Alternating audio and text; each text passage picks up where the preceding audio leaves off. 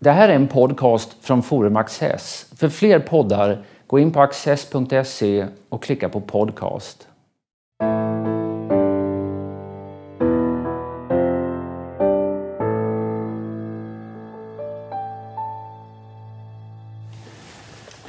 Välkomna till Studio Access. I dagarna högtidlighålls 200-årsminnet av ett av världshistoriens mest kända och diskuterade fältslag, slaget vid Waterloo. Det ska vi tala om idag och jag ska göra det tillsammans med professor Martin Hårdstedt från Umeå universitet. Varmt välkommen. Tack. Vi ska naturligtvis prata om själva slaget, men vi måste sätta in det i ett lite större sammanhang och snabbspola historien så att säga. När Waterloo äger rum, då har det varit krig i Europa i över 20 år. Varför det? Ja, det är franska revolutionen som ju naturligtvis sätter igång hela den här långa krigsperioden. Utmaningen av monarkierna, de politiska omvälvningarna i, i Frankrike, där ju kriget först, under den första perioden, man kan dela upp det egentligen två huvudsakliga delar, ju handlar om den franska republikens kamp mot monarkierna. Och sen efter 1803 så förvandlas det här till att mer bli eh, Napoleon Bonapartes imperiebygge. Handlar mycket om han som aktör, vad han vill, vad han har för mål, mm. maktsträvanden. Man brukar prata om revolutionskrigen och Precis. de napoleonska krigen. Ja. Och vad är han ute efter då 1800, från 1803 och framåt? Ja, det som framför allt gör att kriget startar om egentligen, för man kommer fram till en fred i Amiens 1802, men det som gör att krigen tar ny fart är att Napoleon framför allt infiltrerar, sätter press på vill få makt i det tyska området. Det är där resurserna finns i Europa, både när det gäller människor, eh, mat, som är viktigt, mm. jordbruksmöjligheter, kunna rekrytera soldater. Och det här förargar framförallt Storbritannien. Så det är faktiskt de facto eh, engelsmännen som sätter igång kriget igen därför att man kan, kan, inte acceptera Napoleon. Därför att han har börjat flytta fram sina han positioner? Precis, sätta press på, på de här tyska staterna för att få ett maktinflytande. Och då kan man också bara nämna här att vid den här tiden så utgörs inte Frankrike bara av det vi idag ser som Frankrike utan också det vi som idag är Holland, Belgien och också Italien är ju en del av det här franska för det är ett resultat av de första? Av de föregående krigen ja. kan man säga. Och ibland, nu ska vi inte göra det för komplicerat, brukar man Nej. prata om det inre och det yttre imperiet. Men, men det finns alltså två. Så det här är, är, är, Frankrike vid den här tiden och han vill utöka helt enkelt sin, sitt imperium i Europa. Ja, och han är mycket framgångsrik i detta. Ja, därför att det som ju händer och som ju har förbluffat egentligen eftervärlden det är ju att det sätts samman då så småningom en koalition mot Napoleon. Man brukar kalla det för den tredje koalitionen. Eh, och det märkliga är att Napoleon vid den här tiden han, han förbereder faktiskt ett anfall på, på de brittiska öarna. Den här klassikern att ta sig över Engelska kanalen, det känner vi ju till längre fram i historien. Eh, men på några år, med några snabba fälttåg, så krossar han den här koalitionen. Som ju består av de stora makterna i Europa. Det är Storbritannien, det är Österrike, det är Ryssland och Sverige är med.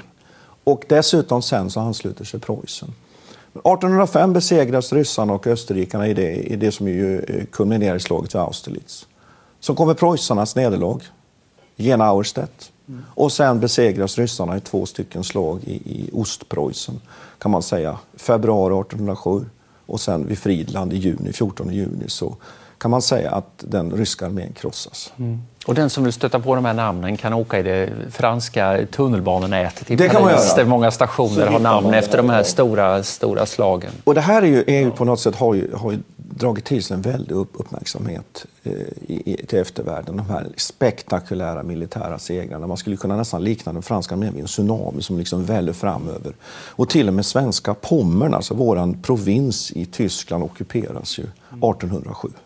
Men vad är det som gör Napoleon så framgångsrik? För han, det, är ju, det är inga små länder, det är ju Europas andra stora makter tillsammans.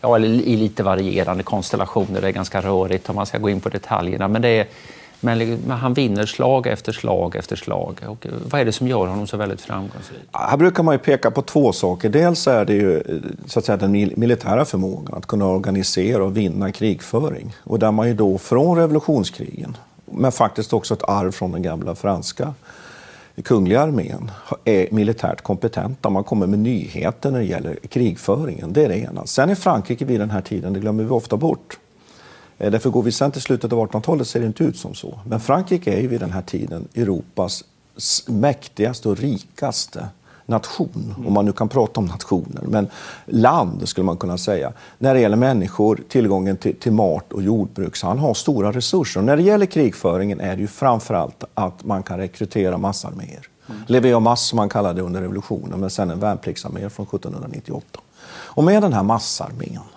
så, så är Napoleon oerhört, han är oerhört skicklig att utnyttja den här. Att få den på plats i de här avgörande slagen vid de avgörande tillfällena.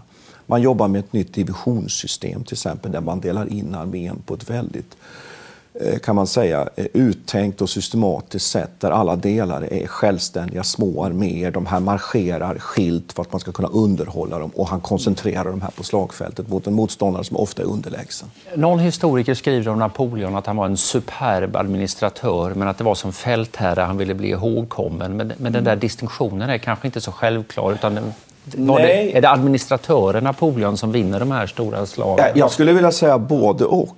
Därför att han är, när det gäller just sin syn på underhållsfrågorna, alltså att helt enkelt se till att armén har mat och kan transportera sig, han är egentligen ganska primitiv.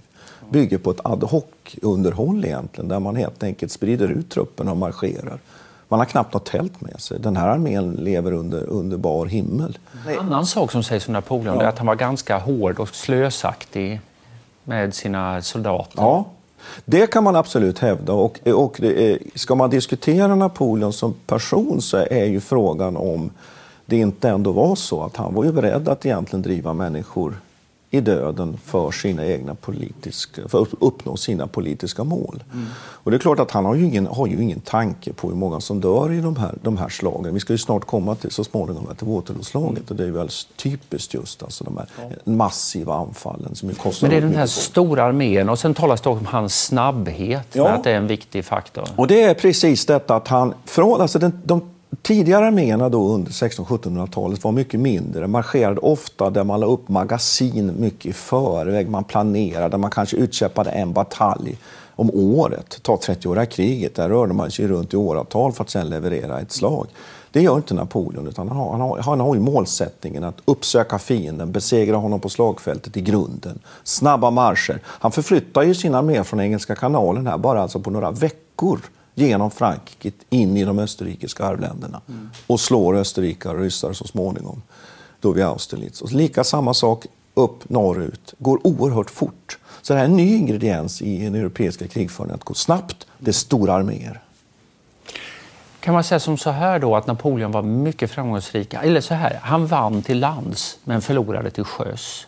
Det är ju en alldeles riktig iakttagelse. Ja. För det är egentligen det kan man ju säga som till slut gör att han inte kommer att kunna hantera den här situationen. Mm. Därför att Storbritannien ju hela tiden blir kvar i kraft av sin överlägsna flotta. Mm. Och där är ju Trafalgarslaget 1805 där ju den, den samlade spansk-franska flottan ju faktiskt utraderas mm. och gör ju att britterna har fria händer ute till sjöss och kan underhålla sina arméer, understötta sina allierade, stötta stötta motståndet i Spanien som ju från 1808 och framåt ju dränerar den franska armén på faktiskt tiotusentals, hundratusentals soldater.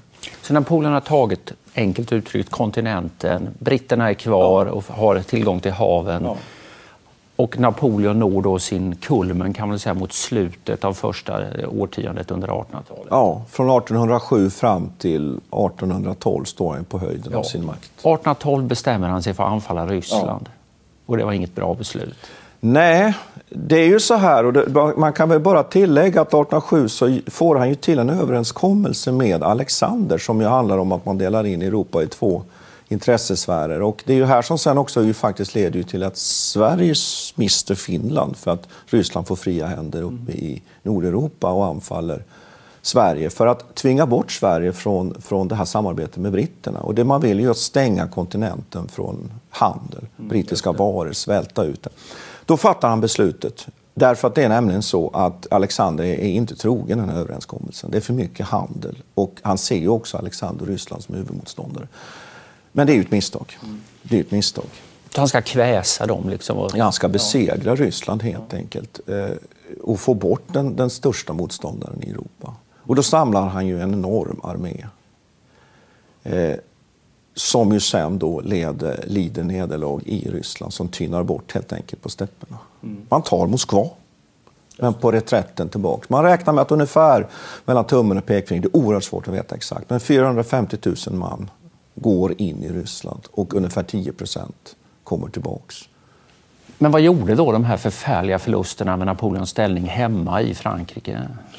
Det är ett, en milstolpe kan man säga. Där förändras egentligen lojaliteten till Napoleon. Man kan, fram till 1812 så var fransmännen i det stora hela väldigt lojal mot sin kejsare.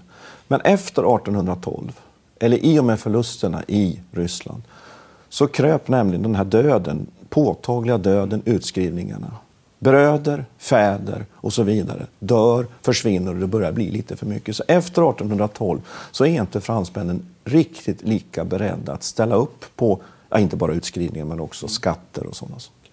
Och sen nästa år kommer hans kanske största enskilda nederlag i, ja. i Leipzig. Ja, man kan säga att efter 1812, i rysk tradition, så är Napoleonkrigen egentligen över. Läser vi Tolstoj så är man inte särskilt intresserad av vad som händer 1813, 1814, 1815. Och så i någon mening är väl den tolkningen riktig. Men den slutgiltiga segern, för det finns ändå kvar militära resurser i Frankrike. Han samlar, stampar fram en ny armé. Och det är tyska områden som står i centrum för operationerna.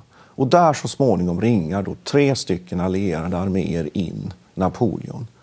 Och det kommer till ett stort avgörande vid Leipzig i oktober 1813. Och det nederlaget, menar jag tillsammans med andra historiker, är ju det som egentligen är, är, är slutet. Om det är början på slutet i Ryssland så är det här slutet på slutet, så att säga. Tyskarna kallar det här för Die Völkerschlacht. Ja. Och det, klangen i det säger mycket om vad det var också. Det var ett fruktansvärt eh, blodbad. Ja, det pågår i tre, fyra dagar och det är ju under, sen, eh, under lång tid under 1800-talet framåt det är ju det största slaget. Här räknar ju arméerna till 200-300 000 man på båda sidorna. Eh, och där är ju faktiskt eh, vår kronprins Karl Johan med som en av befälhavarna för den, för den norra armén. Och vi har 40 000 svenska soldater på plats. Mm. Men de flesta har tur och hinner inte fram till själva slaget. Eller hålls tillbaks. Det här är ju en klassisk fråga i den här militärskrivningen. Preussarna och tyskarna avskyr ju Bernadotte just för detta. Menar att han, han sparar sina svenska trupper. Mm. Mm. Ja, vi måste röra oss mot ja, Waterloo här. För, och Napoleon eh, blir då så småningom tvingad att abdikera och placeras i någon sorts arrest. Eh, på Elba, ja. På den lilla ön Elba i Italien. Och där är han ett tag. Men och, och de övriga makterna i Europa samlas för, i Wien för att komma överens om hur världen ska se ut efter Napoleon. Men så kommer budet om att örnen har landat igen och ja, precis. att Napoleons landstiger i södra Frankrike på våren 1815. Ja, i mars. Och det är han tillbaks och mycket snabbt återfår han makten på ett förbluffande sätt. Eh, han skrämmer helt enkelt upp fransmännen med att säga så här att bourbonerna som då hade kommit tillbaks, eh, eh, ja men titta på adelsmännen, titta på prästerna, ni kommer få tillbaks det gamla förtrycket. Jag, kommer ändå, jag är ändå en revolutionsman, ge mig makten och så vidare. Så han kommer tillbaks och stampar fram en ny armé. Det skickas soldater emot honom från Paris, ja. men de går över till honom precis, och, och så växer precis. styrkan. Ja. Och Ludvig då den 18, han lämnar helt enkelt. Frankrike. Och då sitter de allierade och, och förhandlar i Wien, men måste kastas ut då, igen i ett nytt fälttåg. Och det är inte helt enkelt för de allierade. De är ju naturligtvis, har ju större militära resurser, men inte på plats. Utan det som finns gripbart är en armé under Wellington, en brittisk general, den som ju hade bekämpat fransmännen i Spanien. Han har under sitt befäl en brokig skara av holländare, belgare och sen brittiska soldater. Och sen finns det då en preussisk armé som är på väg från det tyska området på marsch under eh, den tyska generalen Blücher. Så det är det man har. Och sen är österrikarna och ryss, ryssarna på gång också, men det kommer ta flera veckor innan de är på plats. Mm. Och Napoleon ser detta, han vet att de är på väg ja. och hans eh, idéer och jag måste snabbt eh, klyva den här styrkan kan man säga. Få preussarna åt ett håll, britterna och ja. holländarna åt ett annat och sen slå de här arméerna i tur och ordning. Ja, och i, i första att helt enkelt besegra Wellington och Blücher, det är ju första att innan ryssar de ankom. Ja, Men också som du säger hålla isär de här två. Och, eh, det, och eh, striderna, operationerna inleds ju med att han möter då eh, preussarna och lyckas slå tillbaks dem. Eh, det inledningsskedet. Och sen tror han att preussarna rör sig österut. Så han avdelar en del av sin, sina resurser mm. att följa preussarna österut. Han tror att de går österut. Nu, och nu är vi inne på själva slaget. Nu är det den är 16 vi... juni eh, nu är precis 1815 ja. och de är, de är några mil söder om Bryssel. Ja. Linjy tror jag den heter. Det här. Precis, platsen där preussarna slår tillbaka. Och, eh, och där inleds det hela. Och då, en av de saker som händer är att flera olika franska befälhavare irrar omkring kan man säga. Ja. En, en, general vandrar fram och tillbaka mellan två olika slagfält utan att riktigt börjat delta i, i något av dem. Och en annan så småningom eh, ger sig på, iväg på jakt efter preussarna åt fel håll. Åt fel håll ja. Hur kom det där sig? Det är, liksom, det är en, det är en tavla eh, eller mm. tavlor mm. som inte verkar stämma överens med Napoleons annars Nej. så framgångsrika sätt att kriga på. Och där finns det en väldigt, väldigt kan man säga enkel förklaring och det är att en sak som fransmännen aldrig lyckas rekonstruera efter 1812 och förlusterna på de franska stäpperna, det är kavalleriet. Man har för låg klass på sitt kavalleri. Kavalleriet hade minskat i betydelse på slagfältet. Det var framförallt infanteri och artilleri som avgjorde slaget, men för underrättelse. Så han är blind. Han vet inte vad motståndaren riktigt är. När man sen läser en skildring om själva... Ja, sen kommer man då till Waterloo.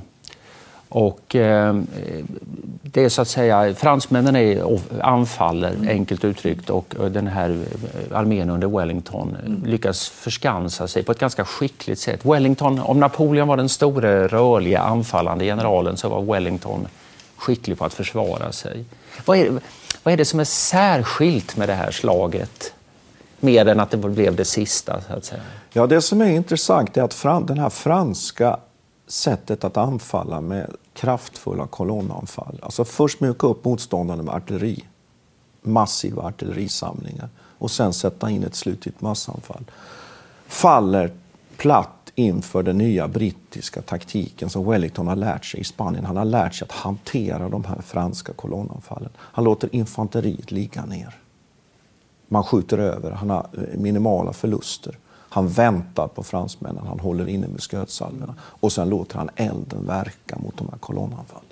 Det här att låta soldaterna ligga ner så att de inte blir så lätta att träffa. Ja. Det låter inte som någon sån här raketforskning, men det var, nej, men det var en nej. ny tanke. Nej, och det, han bryter mot väldigt många konventioner vid den här tiden, att man ju inte gjorde så. Man skulle ju stå upp och se fienden i vitögat. Han låter till och med sina soldater ligga ofta på baksidan av sluttningar. Ja, det fanns en ås där vi, vid Waterloo. fransmännen skulle uppfa, upp, anfalla i viss uppförsbacke. Man ska inte överdriva höjderna, men, men lite så i alla fall. Och det ger, ger ett visst skydd för de här, den brittiska armén. Och det som händer är helt enkelt att för det första är det lerigt på morgonen. Napoleon kan inte anfalla när han direkt vill. Han kan inte slå britterna innan preussarna hinner anlända. När, när det är möjligt att börja anfalla så fastnar mycket artilleri projektilerna i leran helt enkelt. De studsar inte, det här är ju makabert, men det var tänkt man sköt alltså så att de skulle studsa mot linjerna. Det är det andra. Så han kan inte mjuka upp britterna. Britterna klarar av de här inledande. Det första infanterianfallet slår man tillbaka. Man står emot, man bildar karé, fyrkant, står emot kavallerianfallen. Och sen börjar preussarna anlända. Napoleon blir splittrad. Mm. Han blir mer och mer otålig. Och han bestämmer sig att sätta allt på ett kort. Fram med gardet. Som är hans elit, elittrupper som aldrig är besegrade. Och britterna hör hur man slår den här marschen, pas de charge. Alltså de anfaller framåt, de stegar framåt. Britterna ligger ner. Och på given signal, på order, reser de sig upp ur säden, det var ju täckt av säd, och levererar med skötsalvor. Och där bryter gardet samman. Mm. De första leden stupar. Man räknar med att ungefär 1200 franska soldater skadas och dör alltså inom loppet av några sekunder. Och sen den här chocken fortplantar sig bakåt i gardet och det bryter helt enkelt ihop. Och det har aldrig riktigt, riktigt hänt tidigare. Men de ansågs mer eller mindre oövervinnliga. Ja. Det är väl det som har varit en sorts... Man...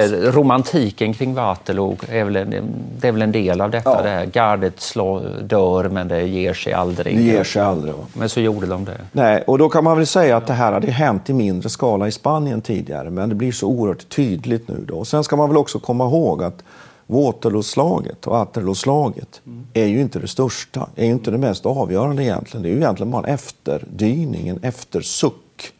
Men den har ju fått så stort, det har ju fått så stor betydelse just därför att det är britterna som vinner det. Britterna är ju den starkaste makten efter 1815. Mm. Ännu idag är ju många av de inflytelserikaste historikerna när det gäller Napoleonkrigen ju britter.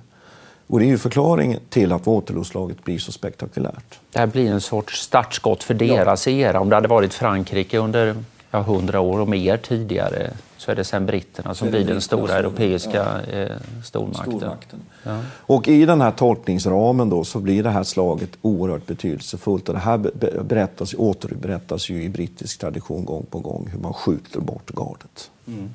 Givet så att säga, vilka strategier britter och fransmän hade utvecklat eh, under de här långa krigen tidigare, var det givet att Waterloo skulle sluta som det gjorde? Eller, eller varför gick det Nej, som det gick? Det var det väl inte egentligen. Det är klart, om man efterkonstruerar, det är ju alltid, vi historiker är inte förtjusta att göra det egentligen, men då kan man väl säga att alla de här faktorerna som leder till det här resultatet finns där. Britterna har lärt sig att hantera de här kolonnanfallen. Napoleon är mer och mer, han fastnar, det finns en del militärhistoriker som säger att han fastnar lite i sin utveckling. Man ser att han mer och mer övergår till såna här lite primitiva massanfall. I sin tidigare karriär är han mycket, mycket rörligare, mycket, mycket mer innovativ. Men från framförallt 1809 och framåt så säger man att han fastnar i detta att artilleriansamlingar, kolonnanfall, massiva. Det är likadant med det stora slaget i Ryssland med Barodino. Där försöker han stånga sig igenom den ryska linjen. Och det här anfallet även vid Waterloo är ju desperat. Det fanns möjligheter ju att på, kanske manövrera ut faktiskt eh, britterna. Men det, det tar han inte, den chansen. Man får också intrycket att han var, du sa att han var så att säga, intellektuellt trött i någon mening, men, ja. men, men, kanske också att han var fysiskt trött. Han, han beskrivs som liksom rätt, ja, ganska fet och orörlig och, och, och, eh, och, och eh, verkar inte helt odynamisk under det här slaget medan Wellington hela tiden rör sig Eh, på sin sida linjen och talar med folk hela tiden. Så agerade Napoleon genom ombud och kurirer. Jo, och det är klart att man får ju tänka på att han, det var ju, han, han var ju vid det här laget hade han ju haft sådana enorma framgångar. Och man kan ju fråga sig egentligen varför han inte tar förhandlingslösningen. Mm. Han har nämligen han får ju ett bud av de allierade redan 1814 att behålla helt enkelt Frankrikes gränser från, från 1792 och få sitta kvar som monark i Frankrike. Men han tar inte det. Och där kan man fundera på varför det är på det sättet. Det är som att det, det var inte gott nog. Det var alltid segern som gällde för den här mannen. Och nu är vi inne på någon sorts psykologisk analys av honom. Men han förlorade av samma skäl som han vann. Så, att... så, så skulle man kunna säga. Han gick, gick ett, steg, ett steg för långt. Och hade han kunnat nöja sig med en, en, en halvseger här så hade han nog kanske kunnat varit kvar faktiskt. Och man kan säga att då, Waterloo var då inte det största enskilda slaget, eh, men, det, men det blev ändå slutpunkten. Det blev det. För, för sen efter detta, så, ja, Napoleon drar sig tillbaka till Paris mm. och, eh, och sen försöker han så småningom fly men blir gripen. Och, ja, och de säger vi, ja, vi ställer inte upp längre. Nej, inget Elba igen här, nej, utan nu skickas nej. han iväg till. Eh, Sankta Helena, ja. långt ner bortom all ära och, och redlighet. Och då kan man säga att Waterloo blir, en så, det blir startskott för Wienkongressens tid. Mm. I Wien har de stora makterna samlats. Det var där man bestämde sig för att snabbt rycka in mot Napoleon när han kom tillbaka och man ritade upp konturerna av det, av det nya Europa. Sen blev det lång fred man, i Europa, på, på gott och ont efter detta. Ja, det kan man säga. Man bygger upp ett makt, maktbalanssystem och man, man återinför ju den här legitimitetsprincipen där man försöker då bort med alla sådana här uppkomlingar. Va? Den enda som blir kvar är ju faktiskt eh, Karl Johan av de här generalerna som sätts in överallt. Ja, det är lite paradoxalt. Det, det är lite paradoxalt. Var ju livrädd för den gustavianska eh, restaurationen och så vidare. Men, det, men, men och så ritar man, gör man om. Det man var intresserad av i Wienkongressen var ju egentligen att bli av med den här uppkomlingen och fredsstöraren Napoleon. Man vill ha kvar Frankrike, för man vill ha kvar stabiliteten. Mm. Och sen håller ju den här freden faktiskt ända fram till Krimkriget. Och, fram, och det framstår ju som två nya eh, kan man säga, pol, motpoler. Och det är ju Ryssland och Storbritannien snarare. Va? Och det är ju de som sen då går i konflikt i huvudsak med Krimkriget i mitten av århundradet. Men maktbalanssystemet som man bygger upp i Wien lever ju kvar ända fram till den här slutgiltiga kollapsen då 1914 och första världskriget. Så att resten av det här systemet finns kvar. Man ingick den här heliga alliansen ja. som man sa, men, den, men britterna var inte med på den. Utan nej. den här legiti, riktigt hårdkokta legitimismen ville inte britterna riktigt nej, stödja. Man, nej, den ville man inte vara med på. Man kan ju dela upp egentligen Wienkongressen, dels den här formella freden där man gör upp gränser och sådana här saker. Och sen det som du är inne på, att man ju också gör ett så att säga, ideologiskt avtal, Precis. den hel, heliga alliansen. Där är inte britterna med. Däremot är britterna med på att man gör en, en vad ska vi säga, ett, ett, en allians, en militärallians. Att man ska samarbeta då, Preussen, Österrike, Ryssland om Frankrike plötsligt skulle ta, mm. ta till vapen igen och försöka skapa ett imperium. Men britterna vill inte vara med därför att man, man är, är, är visserligen mot revolutionerna mm. och den, kanske nationalismen och så vidare om man nu kan prata om det så tidigt. Men man vill ändå inte ställa upp på den ryska varianten där ju faktiskt fortfarande liv, livegenskapen lever kvar och så vidare. Nästan feodala förhållanden. Ja, Nej, det är klart, jämför man med de koloniala makterna är ju Storbritannien redan ett, ett liberalt det det, eh, samhälle. Även om man ju måste se det utifrån den tiden och så vidare. Men så är det. Så att här framstår ju väldigt tydligt två nya, ny gränslinje. Och den här svensk-norska unionen som, som ju skapas i Nordeuropa, den kommer ju mycket till, stormakterna accepterar ju den, därför att man får då en buffertzon mellan just Ryssland och Storbritannien. Ja, även för Sveriges del. Vi kan avslutningsvis ja. några ord om vad det här fick för betydelse för oss. Det blev ju egentligen rätt så. Man tänker inte på Sverige som så värst delaktigt i Napoleonkrigen, men vi förlorar Finland, vi kommer i union med Norge, vi får en ny kung mm. och en ny författning. Ja. Det är inte så lite. Nej, och ibland brukar man säga att avstampet, liksom språngbrädan eller skapandet av det moderna Sverige, och även Norden, kom ju med, med, med Napoleonkrigen. Det är de här fyra nationella identiteterna som ju uppstår. Finland, okej, okay, en del av Ryssland, men ändå får gränser, blir ett storfurstendöme. Sverige, Lill-Sverige, det stympade Sverige. Norge med sin författning, visserligen i en union, men får ju, blir ju avgränsat från, från den här samhörigheten, medeltida samhörigheten från, från Danmark. Och Danmark, det, det lilla Danmark. Så alla de här fyra enheterna. Och det glömmer vi ofta bort. Så att eh, vi, vi svenskar ska nog tänka oss egentligen tillbaks till den här tiden i större utsträckning än världskrigen. Som kanske har större betydelse för identitet idag i låt säga Finland, Norge och Danmark. Men det är egentligen det här som är avstampet. Tack så hemskt mycket Martin Tack. Hårdstedt. Tack så hemskt mycket för att ni har tittat.